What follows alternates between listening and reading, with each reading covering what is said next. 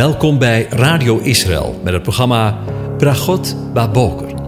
Een kort ochtendprogramma waarin een gedeelte uit de Bijbel wordt gelezen en besproken.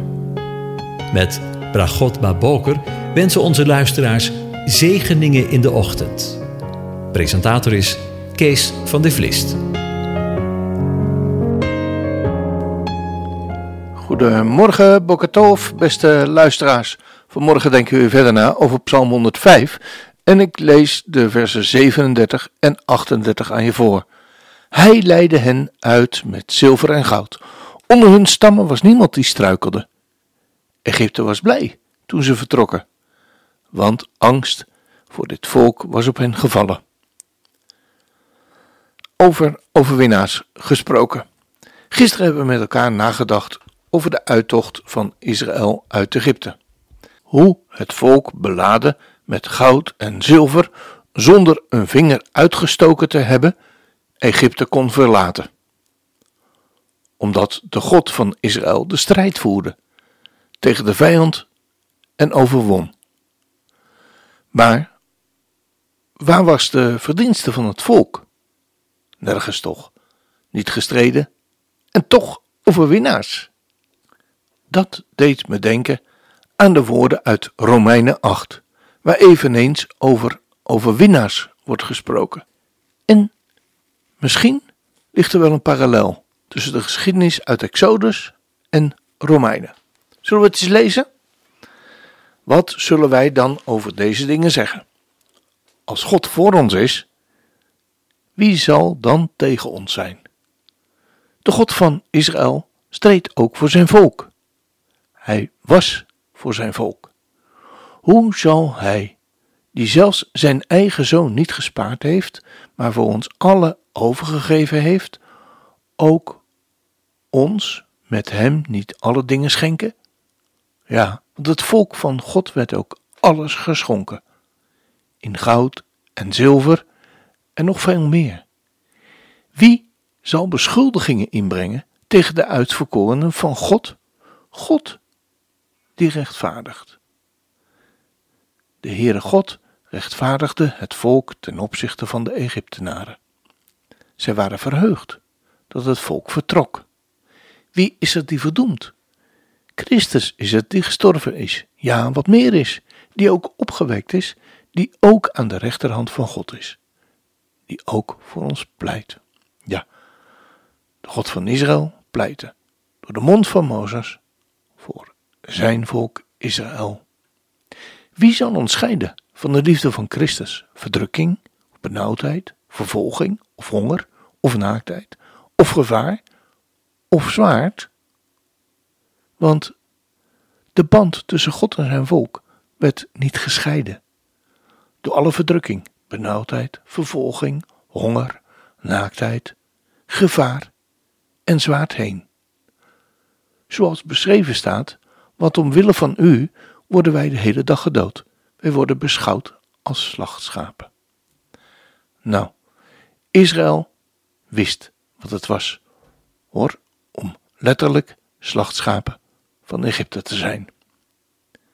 Maar in dit alles zijn wij meer dan overwinnaars door Hem die ons heeft liefgehad. Ja, en zo was het ook bij het volk van Israël.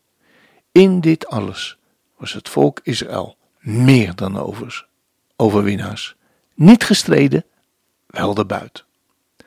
Want ik ben ervan overtuigd dat nog dood, nog leven, nog engelen, nog overheden, nog krachten, nog tegenwoordige, nog toekomstige dingen, nog hoogte, nog diepte, nog enig ander schepsel ons zou kunnen scheiden van de liefde van God in Christus Jezus, in Yeshua Messias, onze Heer. Want nog dood, nog leven, nog engelen, nog overheden, nog krachten, nog tegenwoordige, nog toekomstige dingen, nog hoogte, nog diepte, nog enig ander schepsel.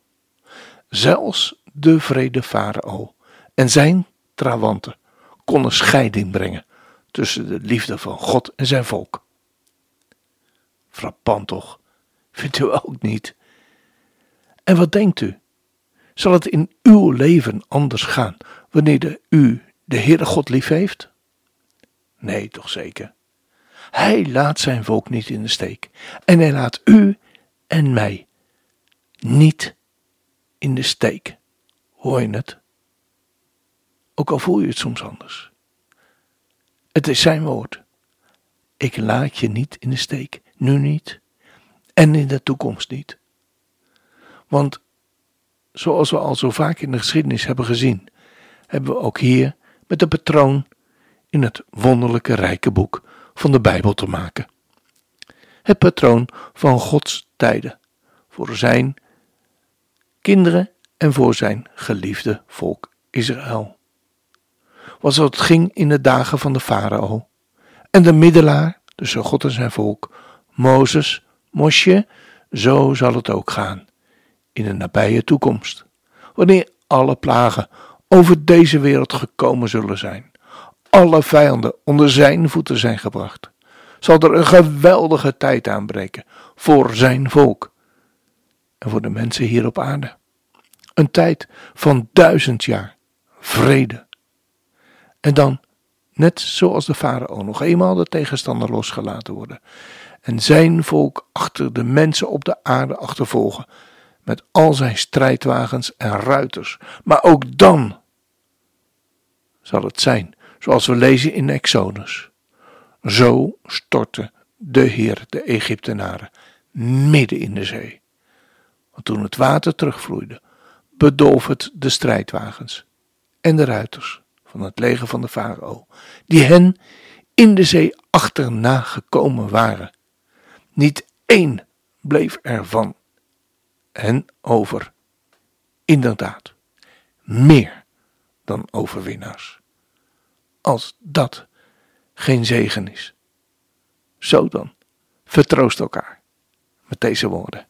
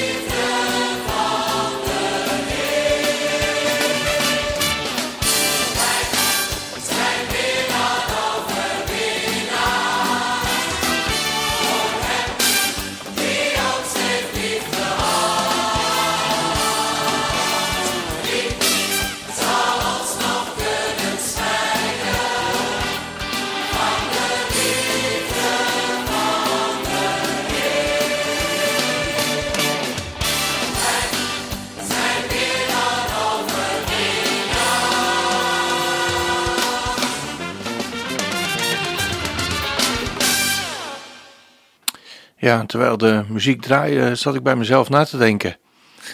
Ja, misschien komt het wel een beetje pocherig over, hè? Wij zijn meer dan overwinnaars. Geweldig, toch? Ja, maar laten we altijd erbij bedenken dat het niet in eigen kracht is. Dat we alleen maar overwinnaar in Hem zijn. We hebben geen enkele behoefte eraan om het zelf op de voorgrond te zetten. Want het is Zijn werk wat Hij voor ons, voor u en voor mij gedaan heeft. Geweldig. De Heer zegent u en Hij behoedt u. De Heer doet Zijn aangezicht over u lichten. De Heer verheft Zijn aangezicht over u en geeft u Zijn vrede, Zijn shalom. Amen.